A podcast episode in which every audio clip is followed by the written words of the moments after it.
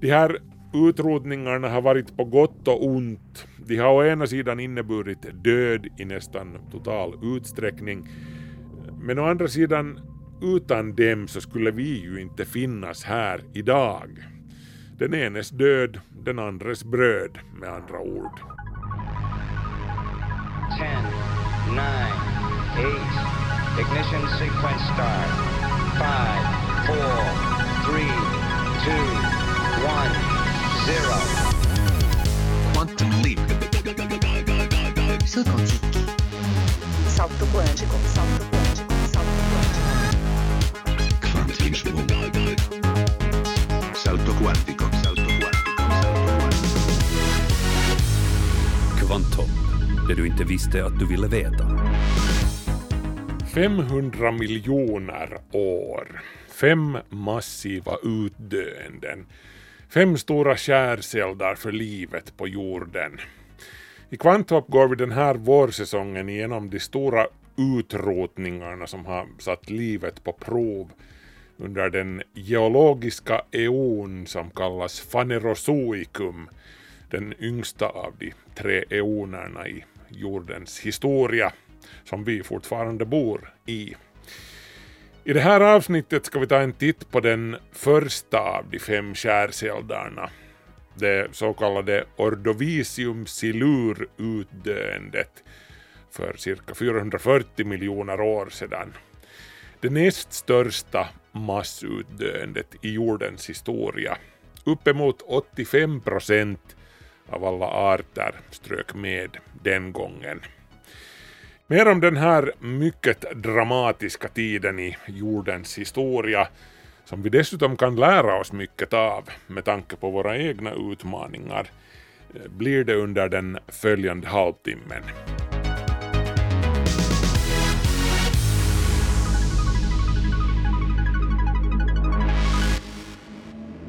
Jag heter Markus Rosenlund.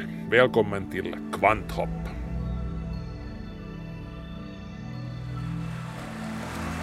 Den här storyn utspelar sig alltså i början av vår nuvarande eon, Phanerozoikum, som började för 540 miljoner år sedan. Ungefär vid samma tid som Söderfjärdens krater uppstod utanför nuvarande Vasa. Ordet Phanerozoikum kommer från grekiskan och betyder ungefär det synliga livet. Livet blev synligt inom citat i motsats till mikroskopiskt när de encelliga organismerna lärde sig att gå samman och bilda större kroppar. Utvecklingen hade startat sakteligen redan för cirka 600 miljoner år sedan mot slutet av den föregående eonen, Proterozoikum. Men på tröskeln till Phanerozoikum för cirka 540 miljoner år sedan, då brakade loss ordentligt. Då inträffade den så kallade kambriska explosionen. Eh, nej, ta det inte bokstavligt det här, det var inte en detonation av eld och rök med en smäll och så där vidare bortåt. Det var helt enkelt livet som formligen exploderade ut över jorden.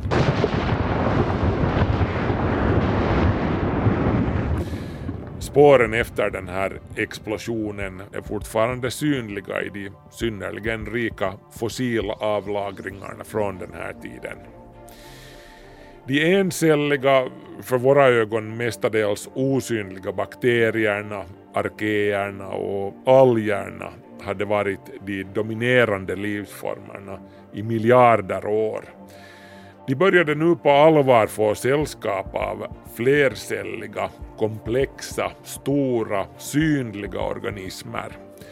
Livsformer som var bepansrade med skal och skelett uppträdde nu för första gången. Inom bara 20 miljoner år eller så, det här är supersnabbt på den geologiska skalan, lärde sig det flercelliga livet att ta plats på jorden.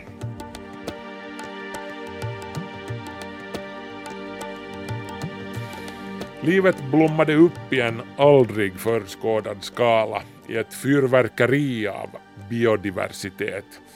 Ett multum av former, färger, skepnader fyllde haven, senare också landbacken. De flesta biologiska stammar av djur som existerar idag fick sin början nu under perioden som vi kallar kambrium som inleddes för cirka 540 miljoner år sedan. Och därmed inleddes också eonen Phanerozoikum. Men när du sticker upp på det viset som levande varelse, då tar du en risk.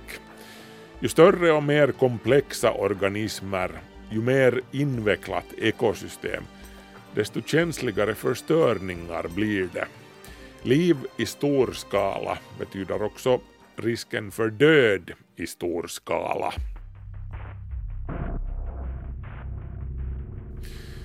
Vi brukar som sagt numera räkna med fem huvudsakliga händelser av massdöd där bortåt 90 procent av alla arter på jorden har utrotats i en enda sammanhängande händelse.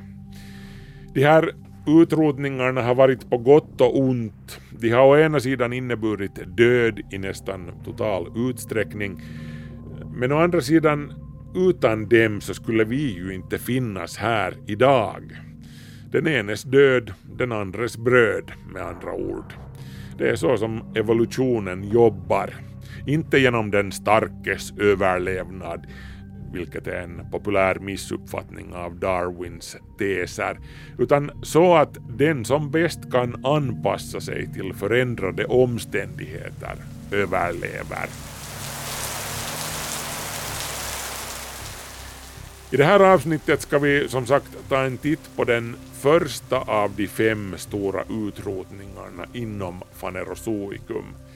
Eh, vi var ju i ett tidigare avsnitt inne på den stora massdöden för två och en halv miljarder år sedan, den stora syrekatastrofen i början av Proterozoikum, den föregående eonen.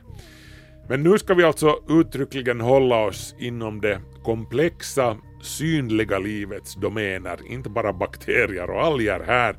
Phanerozoikum är det stora livets fest. Och i det här avsnittet tar den festen slut abrupt, åtminstone tillfälligt.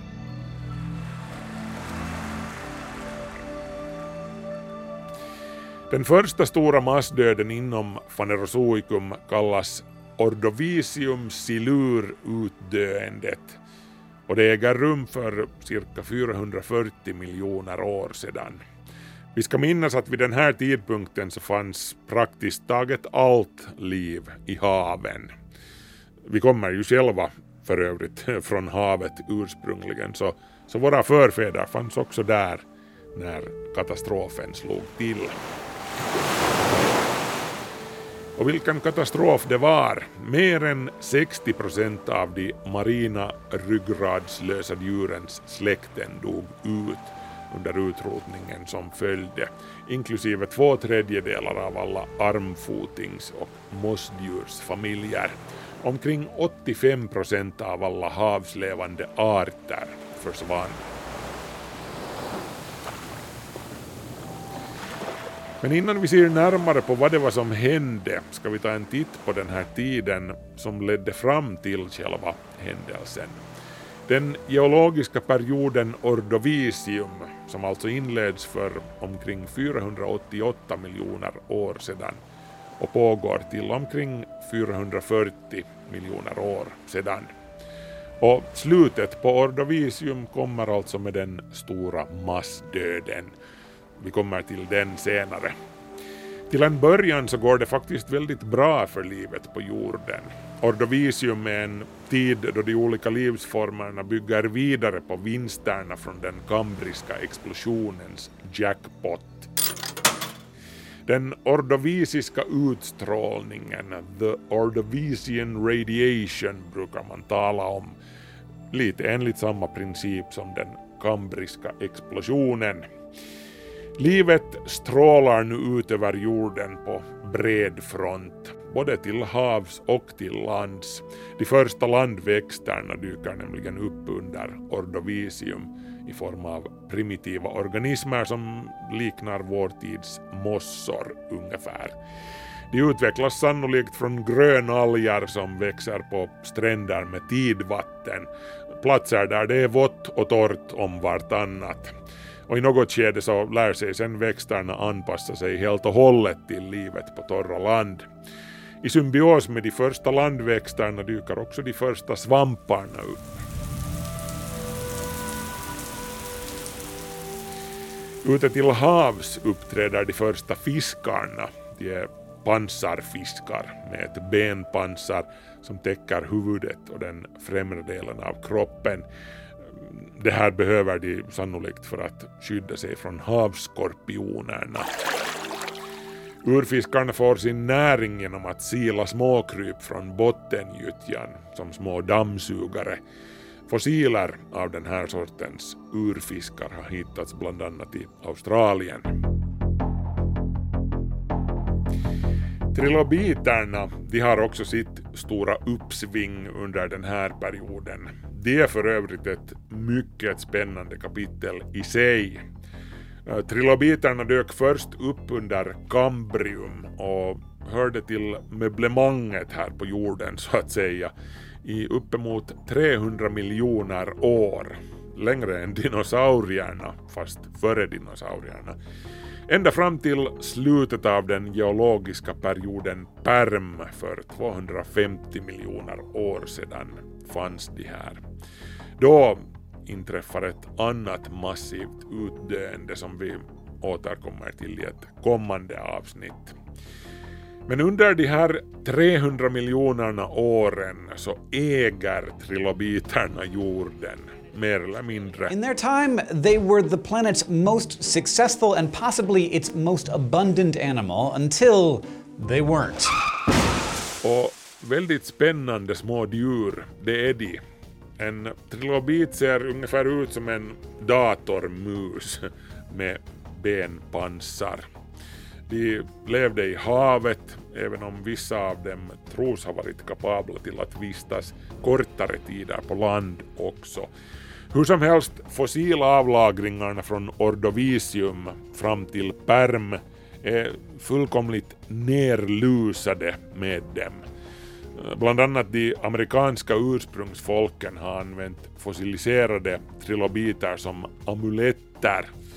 Också de gamla kineserna använde dem som prydnadsföremål och brevvikter.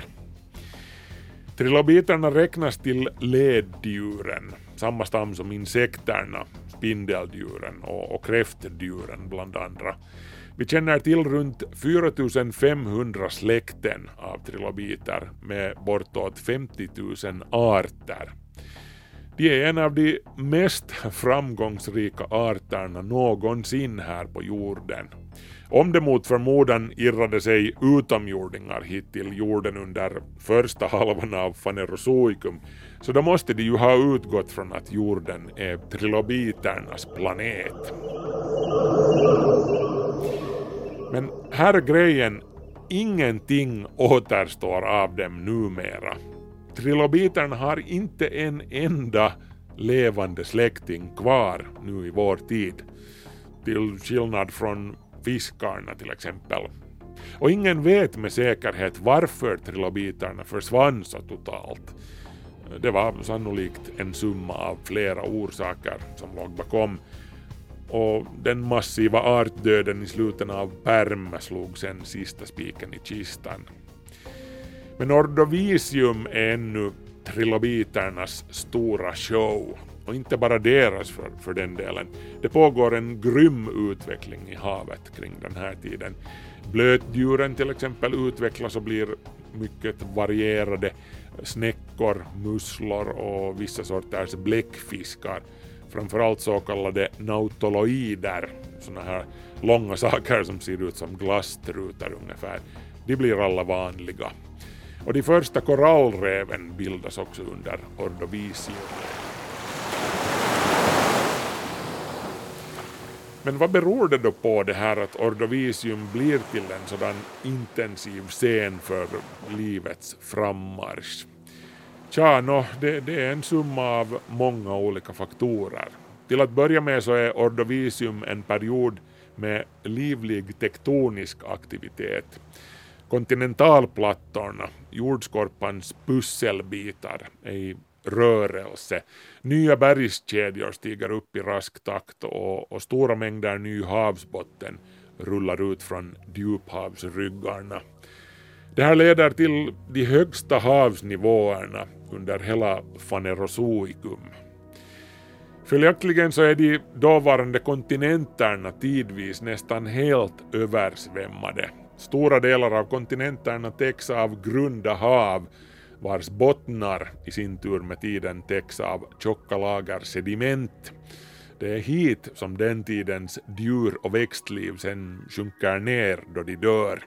Och det är tack vare det här som vi har så rikliga fossilfynd från den här tiden. Ordovisium är också en tid med en kraftig växthuseffekt. Koldioxidnivåerna i atmosfären är mer än tio gånger högre än under vår tid. Det här dels på grund av stark vulkanisk aktivitet som pumpar ut koldioxid i atmosfären.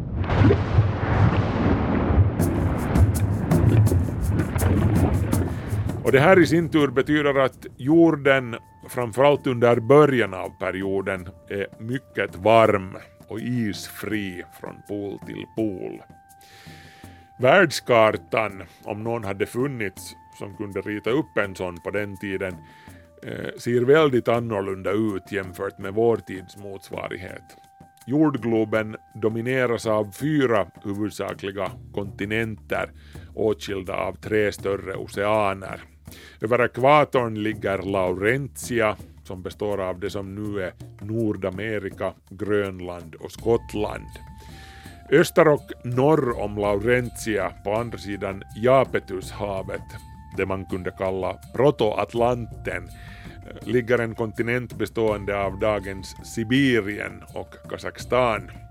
Söder om den ligger Baltika som inkluderar dagens Skandinavien och norra samt centrala Europa. Våra hemtrakter ligger alltså söder om ekvatorn på den här tiden. Det var mildare här på den tiden kan jag säga. Där i samma trakter återfinns också mikrokontinenten Avalonia bestående av vår tids Storbritannien, Nya England och, och delar av Kanada. Öster om Baltika och Avalonia på andra sidan Paleotetyshavet, ungefär där som Indiska oceanen ligger idag, hittar vi den här tidens superkontinent Gondwana den består av vår tids Afrika, Sydamerika, Indien, Arabien, Kina, Australien, Antarktis, västra Europa med mera. Det är en riktigt massiv sak. Jättekontinenten Gondwana sträcker sig ända från Sydpolen upp till ekvatorn. Det som idag är Saharaöknen ligger mot slutet av Ordovisium på Sydpolen. Vid ekvatorn ligger sen igen de delar av Gondwana som idag är Australien och Antarktis. Hur som helst så ligger huvuddelen av allt land på jorden vid den här tiden på södra halvklotet medan norra halvklotet täcks nästan helt av den enorma oceanen Pantalassa eh, från grekiskans ord som betyder allt hav.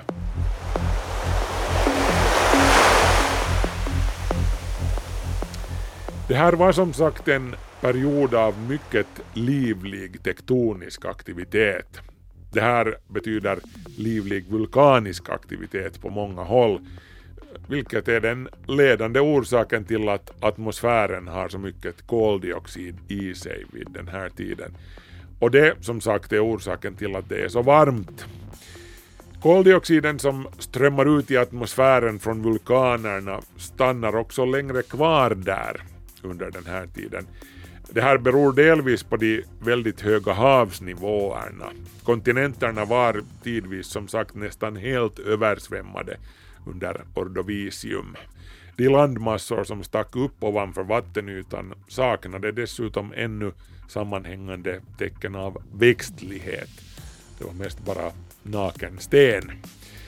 De här två faktorerna alltså, vattnet som täckte stora arealer och bristen på växtlighet, gjorde att berggrunden inte vittrade lika mycket som i vår tid. Alltså väldigt lite erosion. Och det här i sin tur gjorde att koldioxiden inte avlägsnades lika effektivt från atmosfären. En sammanfattning av det här. Kemisk vittring av silikatbergarter är alltså ett av de huvudsakliga sätten för koldioxiden i luften att avlägsna sig från atmosfären, också i vår tid. Det här sker när koldioxiden i regnvattnet reagerar kemiskt med silikatmineraler i berget och bildar kalciumkarbonat. Berget eroderar eller vittrar och rinner bort helt enkelt. Sedan sköljs den här erosionsmassan till havet via floderna och, och, till slut så deponeras den här kalciumkarbonaten som sediment på havets botten. Eh, I sedimenten trillar det sen dessutom ner sjunkande kalkskal som planktonen har bildat längre upp.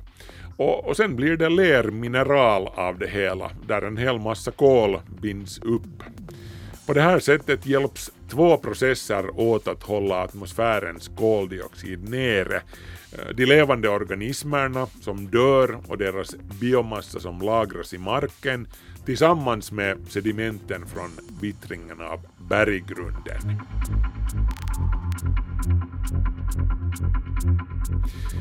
Men vi bor ju på en levande planet med kontinentalplattor som gnuggas mot varandra och skjuts ner under varandra. Därför åker också sen en stor del av kolet som ligger deponerat i berggrunden ner i den heta underjorden. Där smälter mineralerna sen i hettan och förr eller senare så kommer de tillbaka upp till jordytan i samband med vulkanutbrott. Samtidigt kommer koldioxiden tillbaka upp i luften. Hela den här processen är en del av den så kallade kolcykeln. Under ordovisium var alltså kolcykeln ovanligt långsam på grund av de höga havsnivåerna och bristen på växtlighet till lands. Det här gjorde vittringen av berggrunden väldigt trög så den myckna koldioxiden som vulkanerna pumpade ut blev till stora delar kvar i atmosfären. Det här då de naturliga processerna inte hann avlägsna den i samma takt. Uh, lite som nu under vår tid faktiskt. Vi istället för vulkanerna den här gången pumpar just nu ut koldioxid snabbare än den naturliga kolcykeln hinner ta hand om den. Det är inte nödvändigtvis något fel på, på stora mängder koldioxid i luften sett ur livets synvinkel. Eh, men innan någon klimatskeptiker nu får vatten på kvarn Livet kan alltså hantera höga koldioxidnivåer om det får tid på sig att anpassa sig. Eh, om de här förändringarna sker över miljontals år. Det gör de inte nu i vår tid när vi får nivåerna att skjuta i taket på bara ett par hundra år egentligen. Plus en annan lärdom som vi kan ta med oss från Ordovisium. Livet klarar sig inte på koldioxid alena. Det behöver näring också. Och det finns det inte nu, in, inte på samma sätt som under ordovisium i alla fall. Då fanns alltså bäggedera av de här elementen närvarande i stora mängder, näring och koldioxid. Den livliga vulkaniska och tektoniska aktiviteten, inklusive alla nya bergskedjor som stack upp, ledde nämligen också till ett större inflöde av diverse näringsämnen i haven, inklusive fosfor och kalium, det här i sin tur kan till en del förklara livets stora spurt under ordovisium. Det fanns helt enkelt mer näring för livet att tugga på. Plus all koldioxid då förstås. Och varma, grunda, soldränkta hav att tumla omkring i till lust och leda.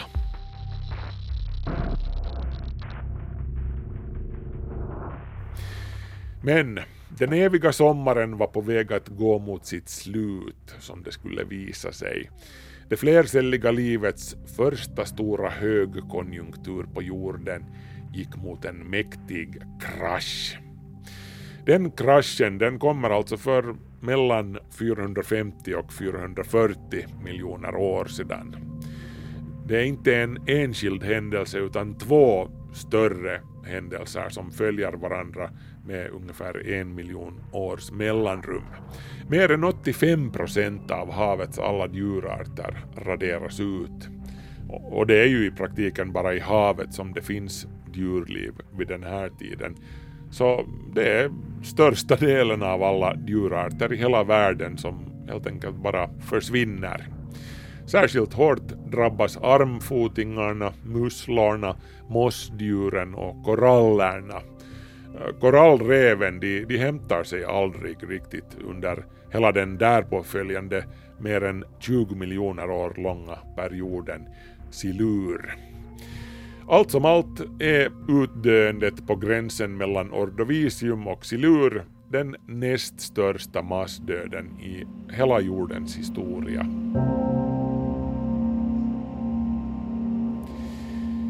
Man har hittills utgått från att den huvudsakliga orsaken till utdöendet är kontinenternas placering.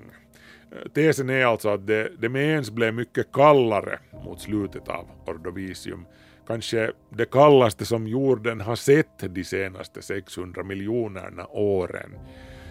Det här skulle alltså ha skett då superkontinenten Gondwana drev ner över Sydpolen och det började bildas väldiga inlandsisar där. Lite som på dagens Antarktis.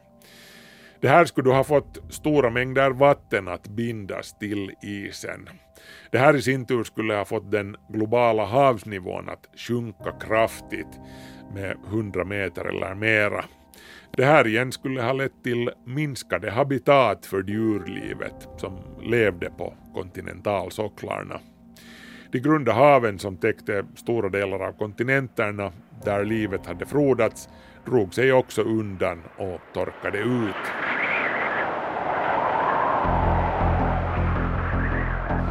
Den här teorin om nedkylningen som orsakades av kontinenternas förflyttningar och, och därmed orsakade den stora massdöden i slutet av ordovisium har under de senaste åren fått en utmanare.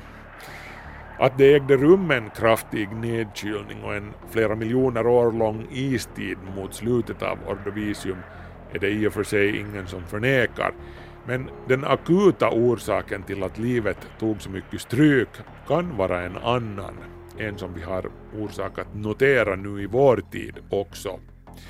Enligt en studie gjord av franska och belgiska forskare som har publicerats i tidskriften Nature kan massdöden ha berott på plötslig syrebrist i haven som i sin tur fick giftiga metaller att frigöras från bottnarna. Och det här skulle sedan ha orsakat massdöden. Forskarna undersökte för sin studie en två kilometer djup borrkärna från öknen i Libyen. Och i de avlagringar som motsvarar tiden för det stora utdöendet hittade forskarna rikligt med skadade fossiler. Organismer med defekter och, missbildningar som, som är typiska för organismer som har drabbats av tungmetallförgiftning. Eh, liknande skador hittar man för övrigt på organismer i, i vattendrag som vi förorenar med tungmetaller nu för tiden. Musslor som har svårt att bilda skal, till exempel fiskar med allsköns utväxter orsakade av blyförgiftning och andra metaller. De här giftiga metallerna tenderar att hålla sig bundna till havsbottnen så länge som det finns syre i havsvattnet. Men när syrehalterna börjar sjunka så frigörs metallerna och blir upplösta i havsvattnet. Det här händer till exempel här i Östersjön där stora delar av bottnen lider av syrebrist. Och varför lider Östersjöns botten av syrebrist? Jo, på grund av all näring som rinner ut i Östersjöns vatten från länderna som omger havet.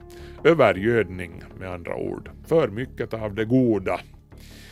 Skulle ordovisium för mellan 480 och 440 miljoner år sedan ha ett motto så kunde det vara just för mycket av det goda.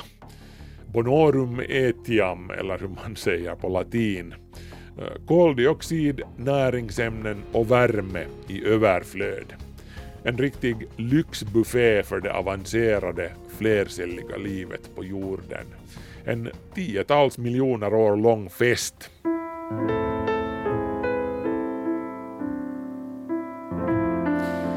Och alla fester slutar ju i något skede med att notan ska betalas. Med tiden drabbas allt större arealer av de ordovisiska havsbottnarna av övergödning och syrebrist. Tungmetaller börjar lösas upp i vattnet och förgifta allt levande. Med andra ord, havets populationer är kanske färdigt sjuka och sårbara när klimatet börjar kylas ner. Och, och sen är massdöden ett faktum. Som sagt, upp till 85 procent av alla havets arter och omkring 60 procent av alla släkten är puts väck. Vi har all orsak att ta lärdom av det här i vår tid. Samma sorts utveckling är på gång just nu över stora delar av världen. Inte bara i Östersjön till exempel i USA rinner det ut stora mängder kväve från jordbruket kring Mississippifloden. Den i sin tur för kvävet ut till havet. Och det här har sedan orsakat en omfattande bottendöd i havet som omger flodens delta. Samma sak är sen på gång överallt mer eller mindre där stora mängder människor befolkar flodernas avrinningsområden. Lägg sedan till att haven, inklusive de djupa haven, värms upp allt mer nu i vår tid. Ju varmare vatten, desto mindre kan det lagra syre. Återigen, bottendöden breder ut sig och havets ekosystem tar stryk. Forskarna tror inte att vi nödvändigtvis kommer att se lika stora ökningar av tungmetaller i havsdjupen som under ordovisium, men det här är nu i alla fall ännu ett orosmoment som vi skulle klara oss utan. Summan av kardemumman är hur som helst att världshavens kemi håller på att förändras just nu på grund av vårt roddande med atmosfären.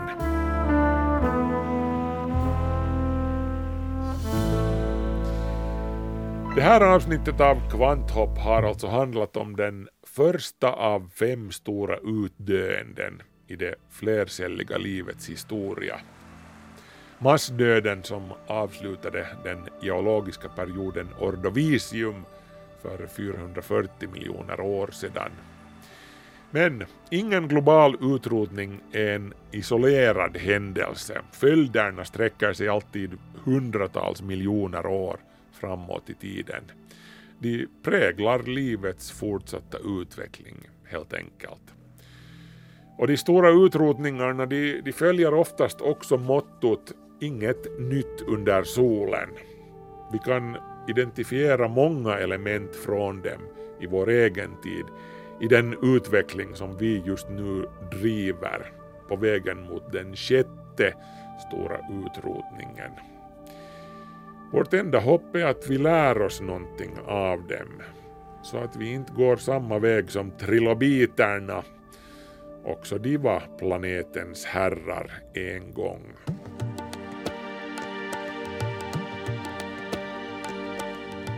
Hörni gott folk, Kvanthopp är slut för den här gången. Markus Rosenlund tackar för sällskapet.